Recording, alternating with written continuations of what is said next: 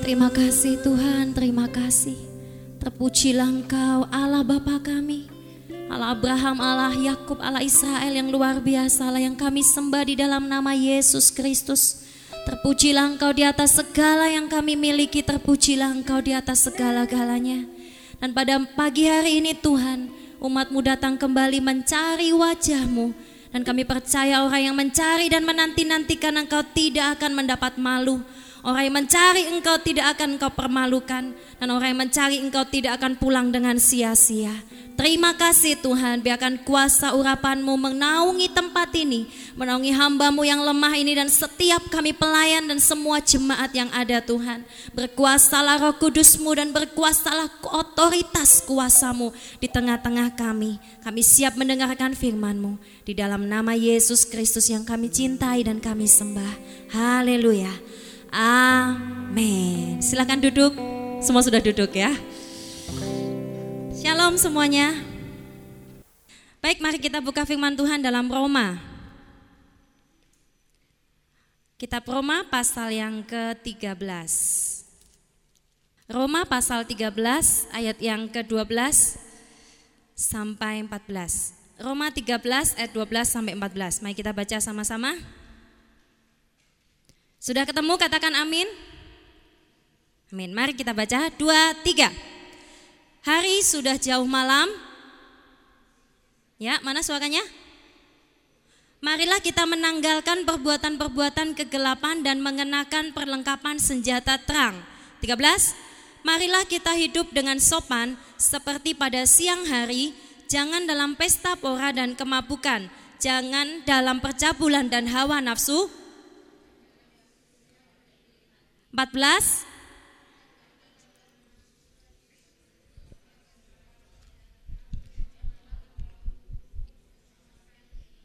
Ya, teman-teman hari ini saya rindu untuk menyampaikan firman Tuhan ini di dalam Roma 13 ayat 12 sampai 14 di mana hari sudah jauh malam dan sudah hampir mau pagi lagi, sudah hampir mau siang lagi. Tetapi Tuhan mengingatkan kita di akhir zaman yang sudah begitu gelap ini, yang nantinya sebentar lagi akan ada surya kebenar, eh, surya yang akan datang yaitu menjemput kita semuanya untuk masuk dalam kerajaan kekal di mana hari sudah begitu malam Tuhan mengingatkan kita walaupun sudah begitu malam bahkan mau menjelang pagi janganlah kita hidup seperti orang malam janganlah kita seperti gaya hidup orang yang ada di dalam malam hari Biasanya teman-teman orang yang mabuk-mabukan biasanya loh ya, enggak tahu lagi gitu ya sekarang ya. Orang yang bercapul, orang yang berzina, orang yang melakukan dosa, mereka mabuk-mabukan dan segala macam senang-senang bahkan waktunya jalan-jalan gitu ya. Itu biasanya malam hari gitu ya.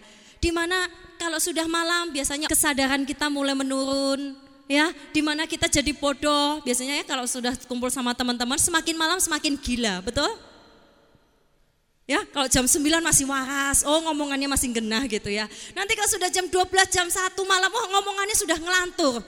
Ini sudah setengah sadar, seperempat sadar dan akhirnya nggak tahu lagi mau apa gitu ya. Terserah Anda. Itu bahaya teman-teman. Sehingga firman Tuhan hari ini mau ingatkan kita, janganlah engkau walaupun dunia sudah malam, dunia sudah begitu gelap.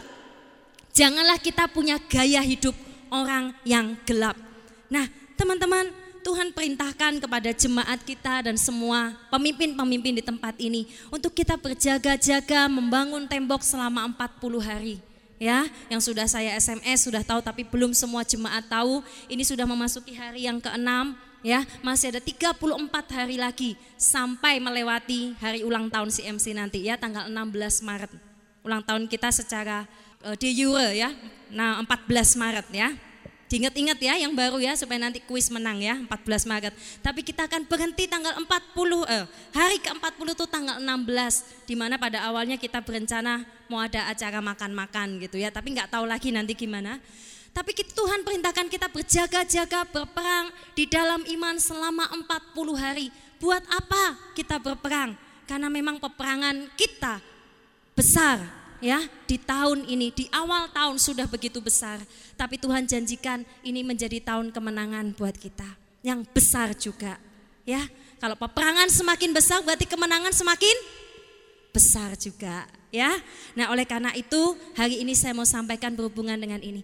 Teman-teman, kita membutuhkan yang namanya roh kebenaran di dalam peperangan ini. Mari kita buka ya di Galatia 4 ayat 9. Kita banyak buka ya ayat ayat Alkitab hari ini Galatia 4 ayat yang ke-9. Coba kita buka. Teman-teman kalau kita dengar firman, kita ibadah ya, seperti yang disampaikan Bapak Gembala minggu-minggu yang lalu, mari kita belajar untuk begini. Satukan roh, jiwa dan tubuh kita itu untuk berada di tempat ini untuk dengar firman untuk menyembah Tuhan. Jangan sampai tubuh Anda di sini, pikiran Anda, jiwa Anda mikirin angpau. Ya, nanti malam ini angpauan saya dapat berapa ya? Hitung-hitung tabungan saya tinggal sedikit gitu ya, kira-kira bisa nambah enggak ya gitu ya. Bahkan di status-status dipasang, dipajang angpaunya dapat berapa luar biasa ya, banyak sekali ada yang dapat ya. Oh itu isinya seribuan atau berapa saya nggak tahu ya. Kita mikir, waduh nanti habis gini makan-makan dengan siapa ya gitu ya. Aduh keluarga aku jauh nggak bisa makan-makan gitu ya. Kita mikirin yang lainnya. Maka ketika kita menyembah Tuhan pun nggak akan ada kuasanya teman-teman ya. Ketika kita main musik juga, ketika saya khotbah juga, saya juga berdoa Tuhan, saya berkhotbah dengan segenap roh jiwa tubuh saya. Jangan sampai saya khotbah di sini, saya mikirin nanti gimana ya, rumah saya, taman saya ada belalangnya ya, gitu ya. Walaupun hari-hari ini banyak belalang masian ya. Pemain musik juga mikirin yang lainnya, jangan ya. Kita belajar di setiap ibadah, belajar roh, jiwa dan tubuh. Jangan sampai rohnya tok hadir di sini ya dada tubuhnya itu lebih mengerikan ya. Roh jiwa tubuh hadir di sini menyembah Tuhan, fokus sama Tuhan, sudah ndak usah pikirin yang lainnya.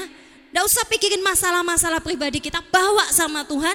Karena saya percaya firman, kebenaran tetap kebenaran. Amin. Firman itu memerdekakan kita. Ketika saya fokus dengan diri saya, saya fokus dengan masalah saya, saya fokus dengan diri saya, saya jadi lemah. Tapi ketika hari-hari ini saya ngerti firman Tuhan, dahsyat sekali firman Tuhan. Saya baca Mazmur, saya baca firman Tuhan dan sungguh firman Tuhan itu menguatkan. Firman Tuhan itu surya kebenaran buat kita dan kebenaran akan memerdekakan dan menyembuhkan kita.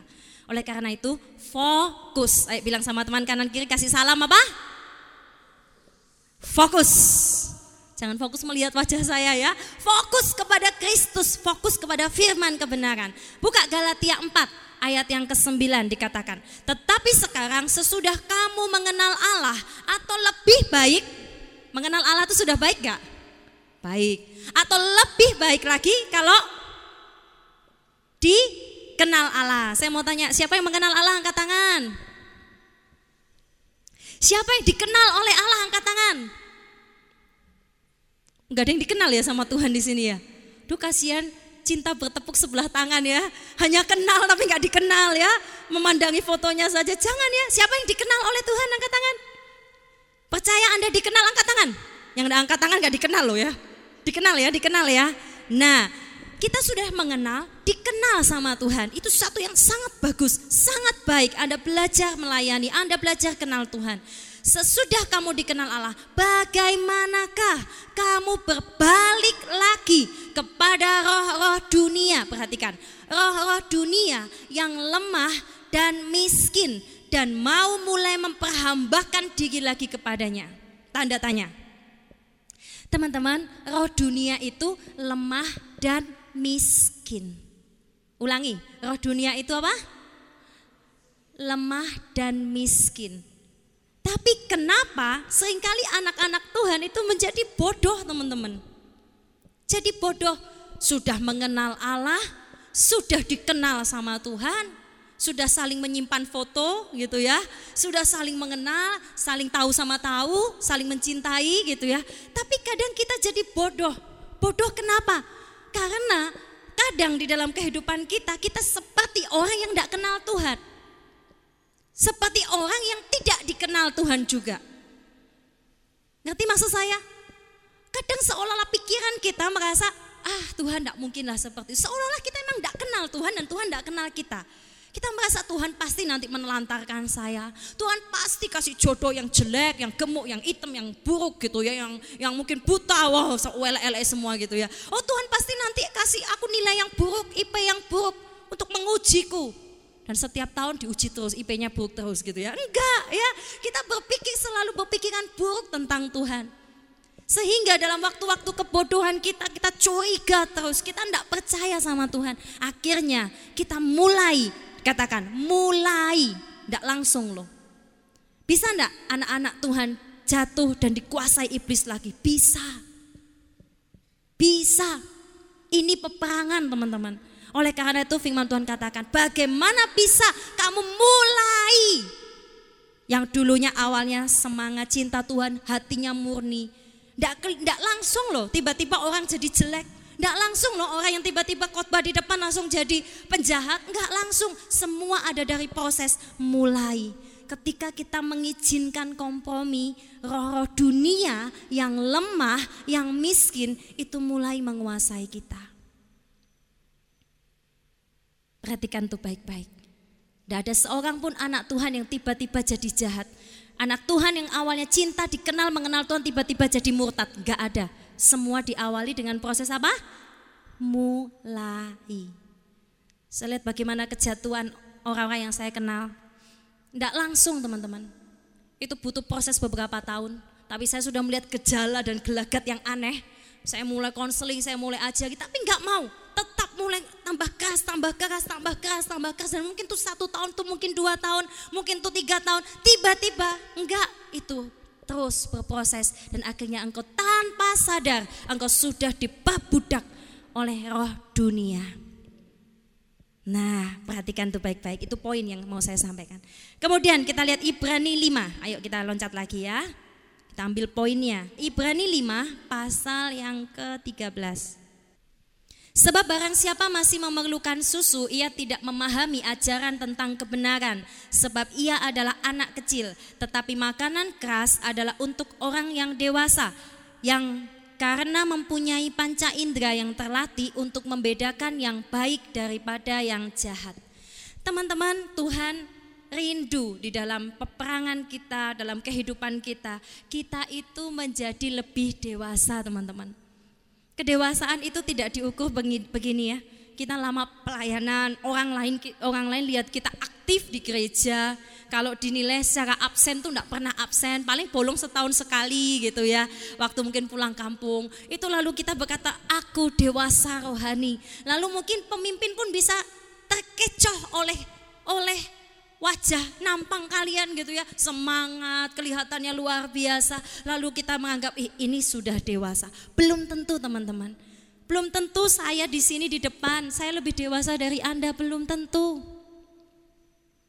Tapi saya dipercaya Tuhan untuk menyampaikan firman Tuhan bukan karena saya lebih baik dari Anda. Perhatikan itu. Karena apa? Saya percaya firman tetap firman, tidak peduli siapa yang menyampaikan, saya punya dosa seperti apa pun, saya tahu saya lemah, saya pendosa, tapi firman tetap firman. Dan saya rindu firman dibagikan. Oleh karena itu jangan kita melihat kedewasaan, oh pasti ya gembala aku tuh pasti dewasa, pasti yang paling benar. Belum tentu gembala-gembala rekom gitu ya atau melihat anaknya paling rajin ini pasti dewasa kedewasaan itu hanya Tuhan yang mengukur dan Tuhan rindu setiap kita itu bertumbuh kedewasaannya. Kalau orang masih anak-anak yang belum dewasa itu enggak pernah bisa ditegur, enggak pernah bisa dibentuk, diomongi susah sekali. Dan sering kali sifat-sifat seperti itu masih ada kanak-kanak tuh di dalam diri saya. Mungkin adakah di dalam diri kita?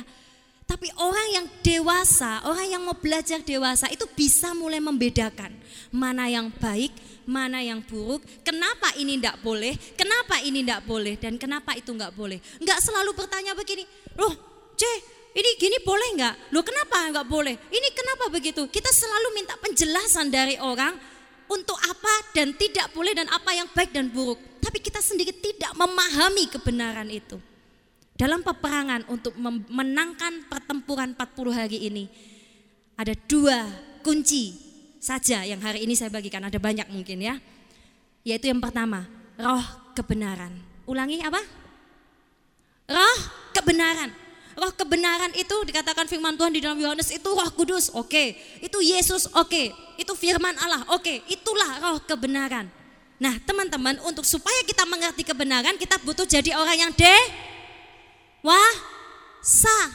Setuju katakan amin? Harus amin. Efesus 4. Ayo kita lihat Efesus 4. Jadi kalau kita mau belajar jadi dewasa, jangan seperti anak-anak yang minta susu terus. Ya, sekali dikasih makanan keras, mungkin murus-murus diare gitu ya, ngambek ya. Tapi kita belajar ya untuk ditegur Tuhan dengan keras, dididik dengan keras karena Tuhan rindu kita bukan cuma jadi anak tetapi jadi tentara Tuhan. Saya lihat bagaimana kemarin beberapa waktu minggu-minggu lalu saya lihat film ya. Saya waktu itu lihat film tentang Musa. Ya, tentang Musa. Gimana perjalanan bangsa Israel diperbudak sampai dia ke tanah Kanaan. Saya lihat bagaimana budak bisa jadi tentara dilatih untuk jadi apa ya? Awalnya kan mereka dapat mujizat terus. Mujizat-mujizat dipenuhi terus, dipenuhi terus. Mereka sampai nggak mau berlatih, mereka nggak mau perang. Sampai akhirnya ada banyak musuh-musuh menghadang ya pakai panah dan sebagainya tiba-tiba ada yang mati terbunuh. Mereka bingung dari 2 juta orang itu ya kan tersebar di mana-mana. Ada yang mulai mati, mulai mati. Lalu Musa Oke, kita latihan perang. Musa ngerti peperangan ya. Karena dia dulu adalah pangeran Mesir. Dan dia akhirnya mengumpulkan orang-orang kepercayaan yang kita latih perang. Ayo kita latih. Awalnya berat. Beberapa orang ngambek di film itu di, di, diceritakan ini film ya, tidak firman Tuhan. Saya ceritakan film. Yosua. Di situlah Musa ketemu awal Yosua gitu ya. Yosuanya ngambek tidak mau tidak mau perang. Dia berkata, Tuhan membuat mujizat semuanya, ngapain kita latihan perang? Tuhan, kalau Tuhan menyertai kita, kita akan dilindungi. Amin. Amin. Amin gitu ya. Yosua berkhotbah gitu ya. Dia nak mau perang, dia ngambek, dia duduk semuanya latihan tang dan dia duduk. Akhirnya Musa datang. Kenapa kamu nggak mau perang? Ini ambil senjata, pedang. Dia bilang nggak mau. Ini kan Tuhan yang akan melindungi kita. Kalau Tuhan sudah bawa kita keluar.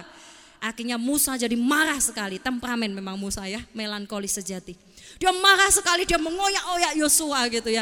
Dia berkata, kamu pikir Tuhan begini begini. Akhirnya si Yosua, kalian tahu di film itu ya, saya nggak tahu apakah kejadiannya seperti itu. Dia berlatih mulai dari hari itu, dia latihan dan ternyata dia jadi tentara yang paling baik. Dia ternyata akhirnya nanti ada pertempuran selanjutnya entah mungkin berapa bulan mereka dia akhirnya jadi tentara yang luar biasa dan memimpin pasukan. Ya, Teman-teman kita kadang berpikir kita nggak perlulah latihan perang. Tuhan akan melindungi kita, Tuhan akan menjaga kita. Amin, saya percaya. Tapi Tuhan mau kita belajar untuk punya pertahanan sendiri. Tuhan pasti tolong kita. Kalau kita lagi lemah, lagi sedih, lagi kecewa, lagi gundah, lagi cemas, lagi galau, lagi putus cinta, lagi tidak ada duit dan lain sebagainya. Nggak angpauan, nggak ada duit miskin gitu misalnya ya. Sengsara banget, ipet jelek gitu ya hati kita tidak karu-karuan, lalu kita semakin sedih, kita semakin kecewa, kita semakin hancur. Lalu kita berkata begini, Tuhan aku sebentar lagi pikiranku ini sudah nggak kuat Tuhan, aku mau mati, aku mau hancur nih Tuhan. Kalau engkau tidak tolong saya, saya mau mati nih Tuhan, saya mau mati. Lalu kamu mengharapkan Tuhan tiba-tiba datang di depanmu, di kamarmu dan berkata, kuatlah, makanlah seperti dia bilang sama siapa itu yang lagi lemah, makanlah ini firman Allah lalu dimakan, kamu akan Alkitab, oh jadi kuat begitu ya. Gak bisa teman-teman, kita tidak bisa berharap seperti itu. Tuhan mau kita dilatih melakukan do something. Ketika jiwa saya tidak bisa diajak kompromi lagi, aduh, saya berkata sama jiwa saya, stop, Lalu saya mulai buka Alkitab. Saya baca Mazmur. Hai jiwa, hai pikiran, engkau melalang buana entah ke mana, kamu keliling-keliling pergi dunia gitu ya. Keliling dunia pikiran saya. Tapi saya berkata, firman Tuhan berkata, Tuhan tetap berdaulat, Tuhan adalah penuh kuasa Tuhan, benteng keselamatan bagi orang yang diurapinya. Saya katakan firman Tuhan, awalnya berat sekali, itu do something. Maka firman kebenaran itu akan menguatkan kita. Jadi teman-teman, jangan biarkan keadaanmu. Lakukan sesuatu. Amin. Ketika engkau mualas nyembah Tuhan. Aduh rasanya mau muji Tuhan, haleluya itu nggak ada keluar. Keluar rasanya. Maka apa yang harus kamu lakukan? Jangan berkata begini Tuhan, kalau engkau mau tolong ya tolong. Nek mau tolong aku ya sudah, matilah aku. Jangan. Tapi lakukan sesuatu. Contohnya apa? Anda bisa loncat-loncat di kamar. Wes pokoknya olahraga dulu. Wah, ayo jiwaku, ayo bernyanyilah gitu ya. Kalau nggak mau nyanyi, diapain? senam mulut gitu ya. ayo nyanyi ya makan dulu ayo nyembah Tuhan mas gak peduli keadaannya gimana gitu ya nyanyi nyanyi sambarangan ya gak apa-apa fales-fales gak apa-apa nyembah Tuhan itu yang namanya dilatih teman-teman kebenaran dari firman Allah itu akan memerdekakan kita poin pertama supaya kita menang keadaan kita di dalam peperangan ini mengerikan teman-teman. Karena peperangan kita ini bukan peperangan yang eh, sederhana yang kecil-kecil. Kita sedang menghadapi peperangan besar. Kita sedang menghadapi peperangan melawan roh Sodom. Tahu roh Sodom? Roh Sodom itu roh duniawi, roh kesenangan duniawi. Dan hari ini saya mau kasih tahu. Yang kedua, rahasia kedua dulu. Saya kasih tahu. Kolose 1 ayat yang ke-9. Rahasia pertama adalah roh kebenaran. Rahasia kedua Kolose pasal 1 ayat yang ke-9. Kolose pasal 1 ayat yang ke-9. Yuk, pemain musik singer WL tolong bacakan. Kolose pasal 1 ayat yang ke-9. Dua, tiga.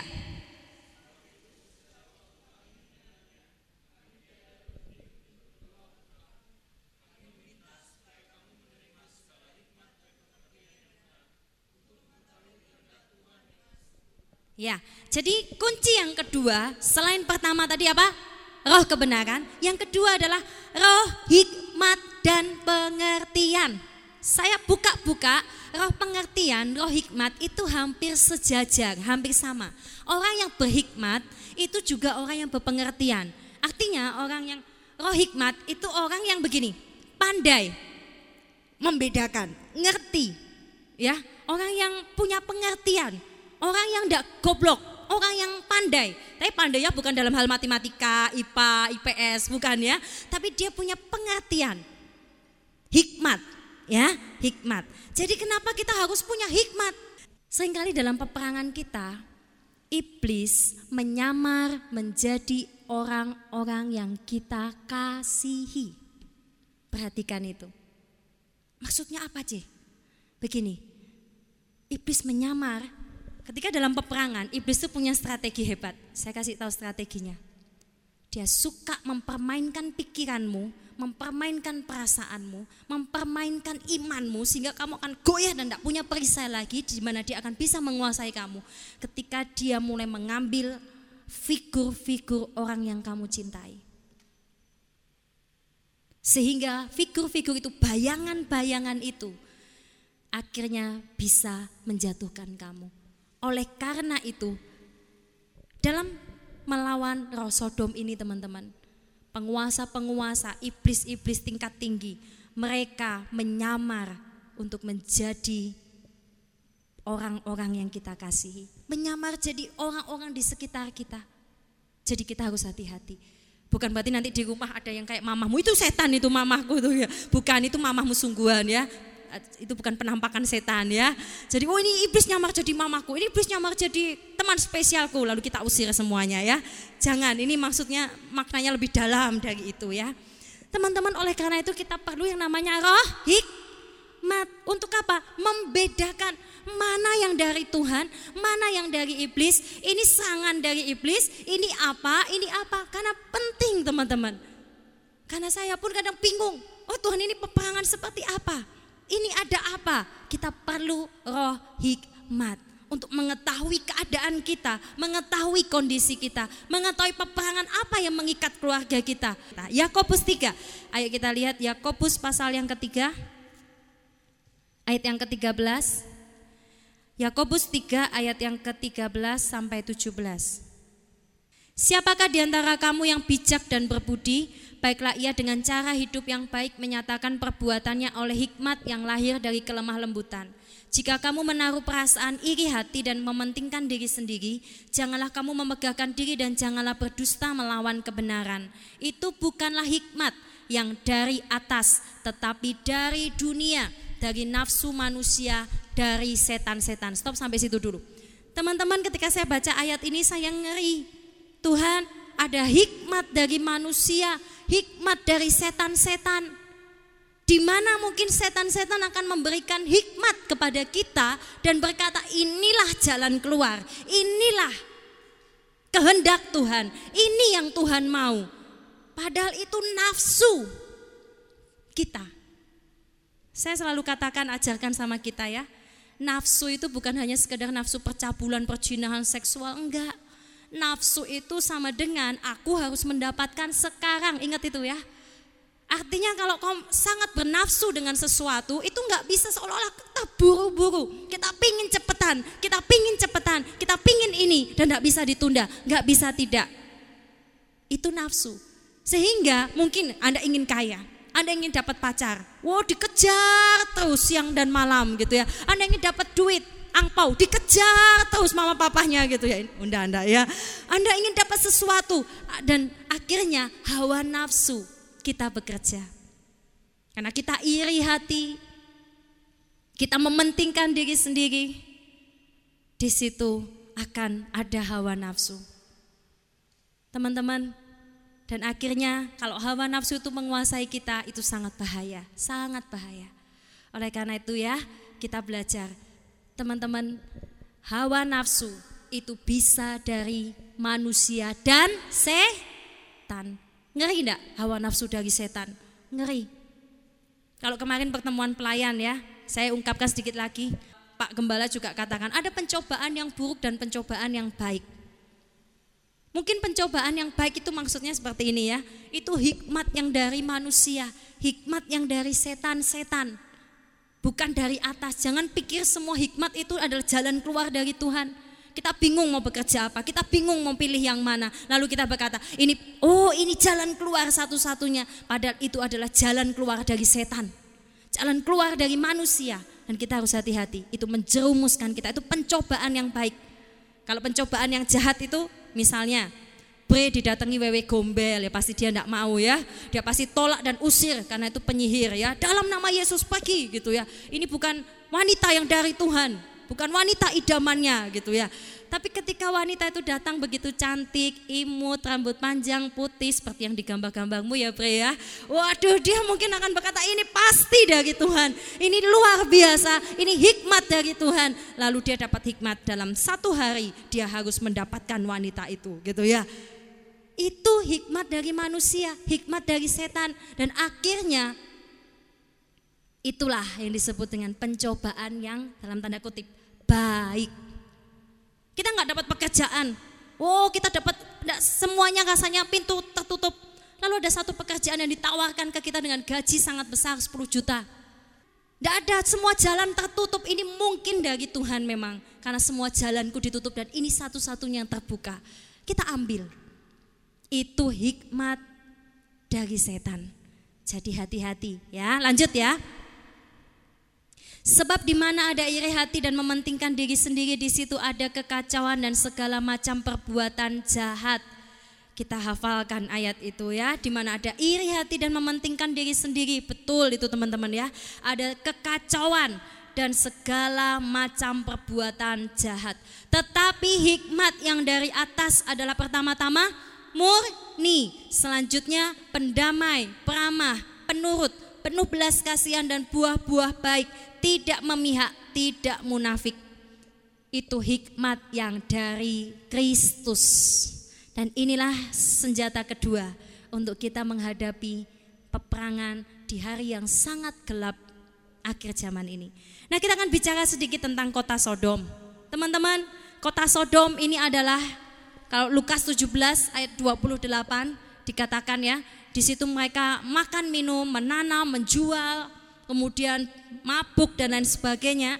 Kota Sodom ini bicara tentang kota kesenangan, kota duniawi. Hati-hati.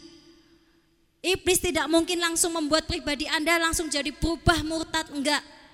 Tapi dia akan pikat hati Anda perlahan demi perlahan yang awalnya dulu Anda rajin berdoa, yang awalnya dulu Anda menjaga kesopanan mungkin pakaian-pakaian Anda, yang dulu Anda mungkin rajin beribadah, yang dulunya Anda rajin melayani. Iblis mulai geser sedikit demi sedikit dengan kesenangan, hobi kita, kesenangan kita. Entah apa pun ya itu ya. Anda suka elektronik, Anda mungkin suka apa pun, digeser pelan-pelan. Anda suka hobi jalan-jalan, hobi makan gitu ya, digeser pelan-pelan roh Sodom akan menguasai dan sudah menguasai Surabaya dan juga dunia ini. Di mana iblis akan menawarkan kesenangan, kekayaan, kenikmatan, percabulan, persetubuhan yang tidak wajar kata firman Tuhan ya, homo, lesbi dan lain sebagainya. Kemudian juga penyembahan berhala, termasuk si dugem tadi, ya, dunia gemerlap, pesta pora. Itu akan ditawarkan. Saya tidak melarang Anda berpesta nanti malam yang mau sinciaan ya. Makan minum, berpesta-pesta, tetapi jangan itu menjadi kebiasaan kita. Seminggu tiga kali berpesta. Ya seminggu lima kali enam kali nonton bioskop jalan-jalan sampai jam mal, tengah malam midnight terus gitu ya. Itu namanya sudah jadi kayak Hati-hati loh, kadang kita merasa kesepian, kita merasa wah kok nganggur ya, nggak ada kerjaan, liburan dan sebagainya. Lalu kita mulai digeser pelan-pelan itu hati-hati. Wah ini nganggur, nonton komik, eh nonton komik ya, baca komik terus, nonton DVD terus gitu ya. Atau apa terus main terus, itu iblis bisa geser. Dan tanpa kita sadari, kita sudah dikuasai oleh roh dunia ini. Kemudian Yesaya 3 ayat 9 juga katakan, roh Sodom ini membuat orang tidak malu lagi akan dosanya. Tidak malu. Ya, kalau dulu mungkin masih malu-malu. Tapi kalau sekarang tidak malu. Bahkan Mungkin nanti hamba-hamba Tuhan, pelayan-pelayan pemimpin, tidak malu lagi buat dosa, tidak malu lagi ambil uang jemaat dan merasa ini itu hak saya, tidak malu lagi korupsi dan berkata itu hak saya, tidak malu lagi berzina dan berkata saya disuruh Tuhan. Tuhan tidak pernah melakukan sesuatu, memerintahkan sesuatu di luar firmannya. Walaupun keinginan kita mau, kita pingin. Andai ya Tuhan izinkan andai dan andai. Lalu kita nyanyi andai waktu dapat. Jangan itu lagu saya ya. Andai, andai, andai dan andai. Tapi teman-teman, saya percaya kebenaran firman Tuhan itu pagar buat kita. Sehingga kita nggak dikuasai oleh yang namanya roh dunia. Bahkan mungkin hamba-hamba Tuhan dan itu sudah terjadi teman-teman. Hati-hati mari kita berdoa. Bukan menghakimi kita berdoa. Mereka melegalkan dosa. Mereka melakukan hal-hal yang kelihatannya roh tapi itu sebetulnya kedagingan mereka, dosa yang dibenarkan. Itu roh Sodom. Jadi hati-hati. Jangan berpikir itu masih jauh C kita berperang. Enggak, sekarang juga kita sedang melawan roh ini. Ini sudah menguasai banyak gereja, ini sudah menguasai banyak anak-anak Tuhan. Dan jangan sampai Anda tanpa sadar, Anda juga dan saya dikuasai oleh roh Sodom ini. Teman-teman hati-hati. Matius 12 ayat 29 sampai 30 dikatakan begini. Matius 12 ayat 29 sampai 30 ya. Kalau yang mau buka silahkan. Dikatakan kalau orang mau mencuri dalam sebuah rumah, itu gimana kalau dia tidak mengikat dulu? Ingat ya firman Tuhan yang saya bagikan dulu ya di doa malam. Kalau dia tidak bisa, dia tidak akan pernah bisa mencuri di dalam rumah itu kalau dia tidak mengikat dulu orang yang di dalamnya lalu merampas miliknya. Dikatakan firman Tuhan, kalau orang kuat bersenjata lengkap menjaga rumahnya, dia akan aman. Masih ingat ayatnya kan? Tapi kalau dia, orang yang di dalam rumah itu yang tadi berkuat dan bersenjata lengkap itu tidak bersenjata lengkap lagi, tidak kuat lagi, lalu datang orang yang lebih kuat, dikatakan firman Tuhan, datang kepadanya, lalu diikatnya, lalu dia akan habis. Itu prinsip dan strategi iblis untuk menghancurkan kita. Dia tidak akan mungkin dapat mengalahkan kita kecuali dia lebih kuat dari kita. Nah kenapa dia bisa lebih kuat dari kita? Ayat selanjutnya Anda bisa baca. Karena kita sedang melawan Tuhan. Kita sedang buka celah. Kita sedang berdiri di sisi yang lain dari Tuhan. Maka iblis bisa menguasai kita. Rumah kita, hidup kita, amburadul semuanya. Karena kita izinkan. Selama kita tidak izinkan, kita kuat dan bersenjata lengkap. Kata Matius, maka tidak ada yang bisa menghancurkan kita. Amin. Oleh karena itu penting sekali untuk bersenjata lengkap dan kuat di dalam firman Tuhan. Adik-adikku, jangan merasa Anda sudah bukan anak sekolah minggu lagi dan tidak perlu lagi baca Alkitab. Dulu ketika saya waktu masih remaja, masih kecil, kita lomba sama teman-teman. Sudah habis berapa sudah habis berapa pasal? Sudah habis berapa lama? Uh, berapa ini satu Alkitab sudah enggak habis? Kita berlomba-lomba baca. Apalagi kalau ada lomba-lomba ya. Saya usulkan mungkin sama Elita di Yud bikin lomba-lomba aja ya yang banyak gitu ya tentang Alkitab. Seperti dulu masa kecil. Sehingga saya rajin baca Alkitab walaupun motivasi untuk mendapatkan hadiah. Ya, belajar Alkitab. Yang mau katakan amin? Jangan merasa sudah gede nggak butuh Alkitab loh ya. Sebelum Alkitab ini tidak ada lagi, mari kita habiskan. Ya, karena firman kebenaran itu pagar buat kita loh. Ingat baik-baik ya. Oke ini ayat yang terakhir, Efesus pasal 4. Saya minta pemain musik, Efesus pasal 4 ayat 27. Yuk kita hafalkan ayat hafalan kita hari ini ya. Efesus 4 ayat 27. Ayo sama-sama. Efesus 4 ayat 27. Dan Jangan beri kesempatan kepada iblis karena kita tahu apa maksudnya, ya. Mari kita tutup Alkitab kita, kita renungkan firman Tuhan, kita arahkan roh, jiwa, tubuh kita untuk kita berdoa, kita saat teduh dulu. Kasih Tuhan buat firman-Mu Tuhan. Terima kasih Tuhan firman-Mu yang memagari kami. Roh hikmat-Mu, roh keperkasaanmu, roh wahyu-Mu, pengertian, roh nasihat yang darimu sungguh menghiburkan dan menguatkan kami. Roh kebenaranmu menyembuhkan kami. Roh kebenaranmu memberikan kami kekuatan dan memberikan Tuhan kami pencerahan untuk melihat mana yang baik, mana yang buruk, mana yang sempurna, mana yang berkenan. Kami membutuhkanmu Tuhan, kami membutuhkanmu. Kami mau bernaung dalam naungan sayapmu. Kami sungguh memerlukanmu Tuhan. Ampunilah segala kedagingan kami Tuhan Yesus.